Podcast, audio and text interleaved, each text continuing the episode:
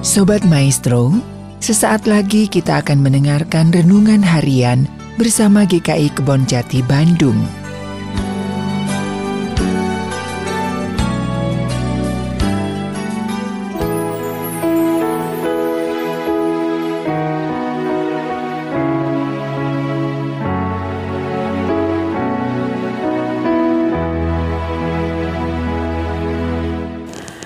Selamat pagi Bapak Ibu sekalian yang dikasih oleh Tuhan Yesus Kristus. Berjumpa lagi dalam renungan harian kita pada pagi hari ini.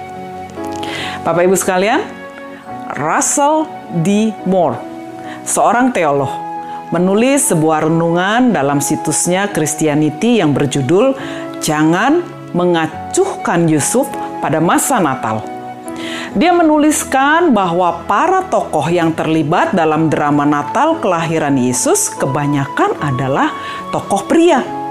Tokoh wanita hanyalah Maria dan Elizabeth. Selain para gembala dan orang Majus, tokoh pria yang ada di sekitar kelahiran Yesus ada Herodes dan ada Yusuf. Sebuah pernyataan yang menggelitik dari Moore adalah bahwa zaman sekarang ini Mana yang lebih memikat hati umat, memikat hati dunia? Semangat Herodes atau semangat Yusuf? Bapak Ibu sekalian yang dikasih oleh Tuhan Yesus Kristus, tapi kali ini tentu saja saya ingin mengajak kita semua untuk belajar dari semangat Yusuf, bukan Herodes. Siapakah Yusuf? Dalam silsilah keturunan di Matius pasal 1, maka terbaca bahwa Yusuf sebenarnya adalah keturunan Daud. Sang raja Israel yang karisma dan kehidupannya tetap dikenang oleh umat Israel bahkan berabad-abad setelah kerajaan Israel hancur. Yusuf adalah keturunan Raja Daud, tetapi hidupnya tidak dalam gelimang harta. Dia orang sederhana dan kesederhananya kesederhanaannya itu dinyatakan bahwa pekerjaannya sebagai tukang kayu. Dan kesederhanaannya juga dinyatakan bahwa pada waktu pentahiran Yesus, maka persembahan Yusuf adalah dua ekor anak burung merpati. Jadi dia bukan orang kaya. Bapak Ibu sekalian yang dikasih oleh Tuhan Yesus Kristus, dalam tulisan di sekitar kelahiran Yesus di Alkitab, tidak pernah juga diceritakan dengan sangat tegas bagaimana sikap dan iman Yusuf. Tetapi Bapak Ibu sekalian, kita tetap mendapatkan kesan bahwa Yusuf sebagai seorang Yahudi, dia adalah orang yang taat dan setia pada Tuhan. Dan dia adalah seorang yang selalu menjalankan Taurat dengan kesungguhan. Yusuf adalah seorang yang beriman teguh. Tetapi persoalannya adalah apakah sebagai seorang yang taat dan setia pada Tuhan, maka hidup Yusuf aman-aman saja tanpa masalah? Ternyata Alkitab menceritakan bahwa sekalipun dalam iman, dalam ketaatan, dalam kesetiaan, tetap saja Yusuf mengalami masa hidup yang penuh dengan gelombang yang besar.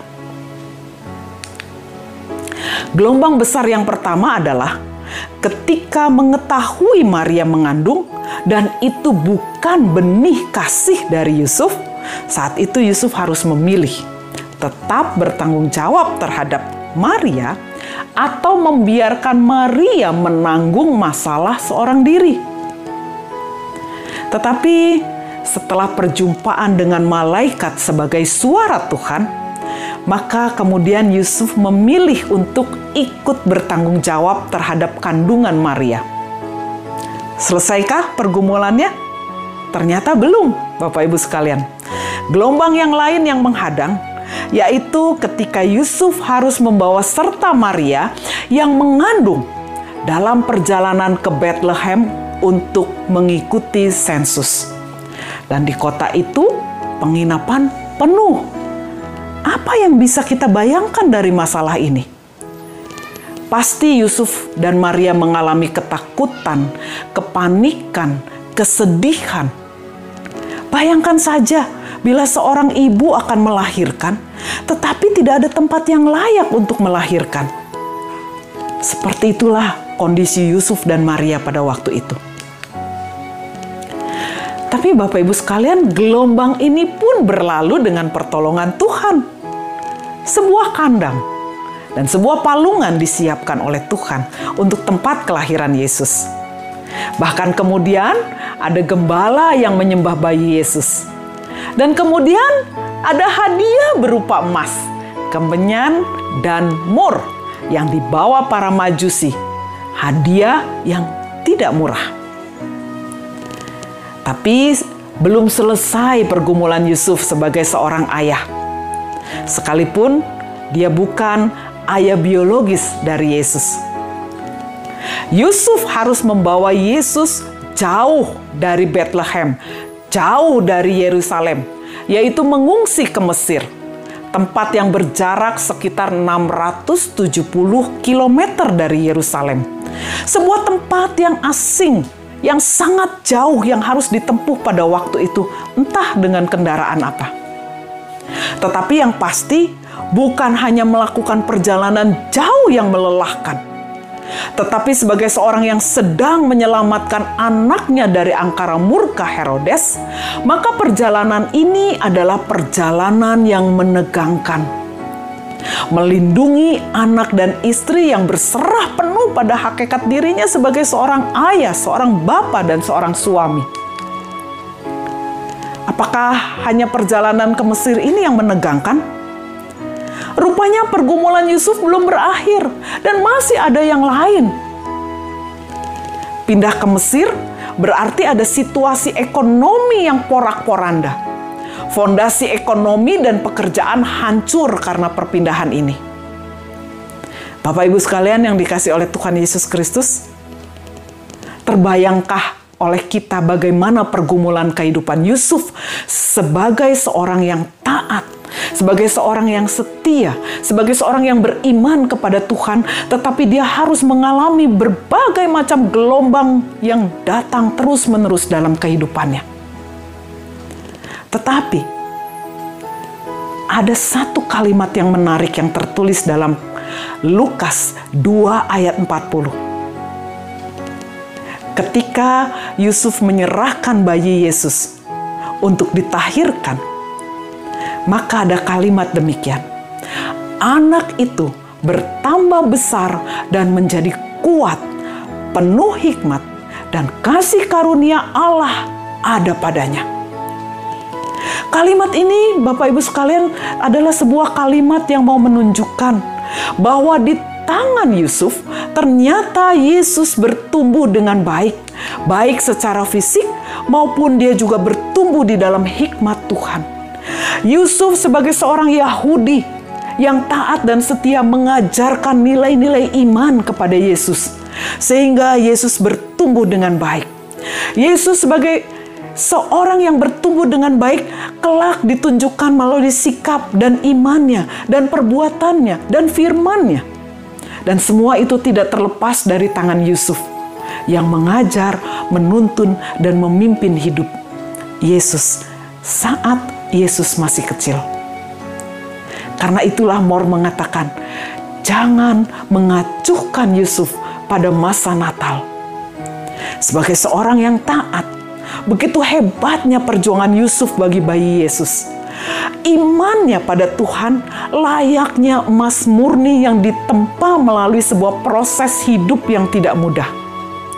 Keringat, ketakutan, kepanikan, kekecewaan, harapan yang tidak sesuai dengan keinginan, bahkan mungkin air mata tertumpah semuanya. Tetapi semuanya menjadi alat di tangan Tuhan untuk menempa iman Yusuf.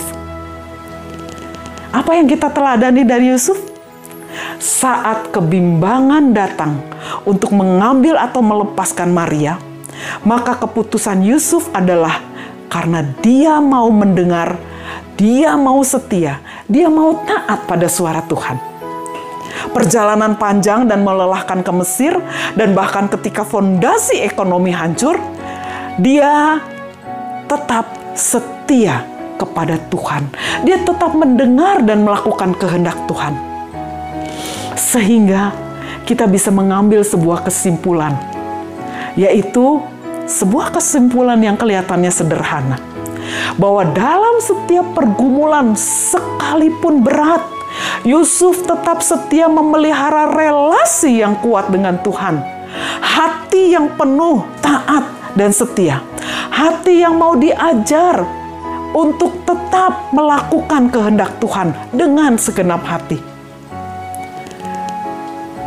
Saat gelombang pergumulan datang, hanya relasi yang kuat dan ketaatan serta kesetiaan penuh pada Tuhan itulah yang harus kita lakukan. Tuhan memberkati.